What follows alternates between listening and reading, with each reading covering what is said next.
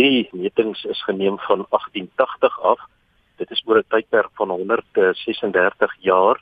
En uh, Julie is redelik belangrik omdat die somerpiek in die noordelike halfrond uh, gedurende Julie nou hierdie jaar se temperature, die globale temperature oor die hele aarde vir Julie was uh, 0.1 grade Celsius warmer as uh, verlede jaar en ook warmer as enige van die ander hoogste jare. So mense sien 'n tendens dat mense oor elke jaar omtrent 'n toename in temperatuur kry wat ook dan beskryf word as die hoogste in die wêreld. Wat anders kan ons uit hierdie waarnemings aflei? Wat natuurlik hierso wys is die tendens wat ons van weet is dat die aarde al warmer word. Hier oor Suid-Afrika is daar ook 'n verwarming wat plaasvind. Daar's onlangs bewys dat ons uh, 'n land oor die gemiddeld so 0.14 grade Celsius per dekade warmer word. Dit is nou oor die afgelope 50 jaar.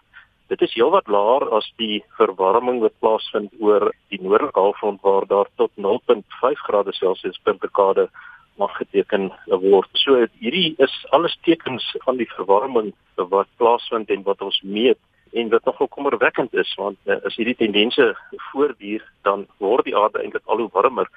Het hierdie verskynsel moontlik iets te doen met klimaatsverandering?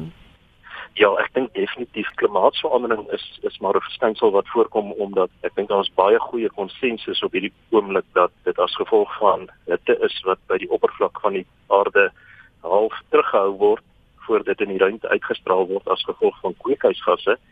En hierdie kweekhuisgasse is gewoonlik maar kweekhuisgasse wat deur die mens vrygestel word. Met die El Niño het ons natuurlik so 'n bietjie van 'n hupstoot gekry in die verhitting, maar oor die uh, algemeen is ek dink daar's baie goeie tekens dat die aarde warmer word en noodwendig wat die mens maar moet doen ons moet op die oomblik in die eerste plek probeer om kweekhuisgasse te verminder en dan tweedens om um, aan te pas by hierdie dinge. Dis nie goed dit vinnig gebeur nie, hierdie verhitting gebeur stadig, so dis moontlik om aan te pas, maar ons sal definitief na ons optredes moet begin kyk en minder begin om van hierdie kweekhuisgasse in die atmosfeer vry te laat. Is dit moontlik dat 2016 ook as die warmste jaar nog op aarde aangeteken kan word?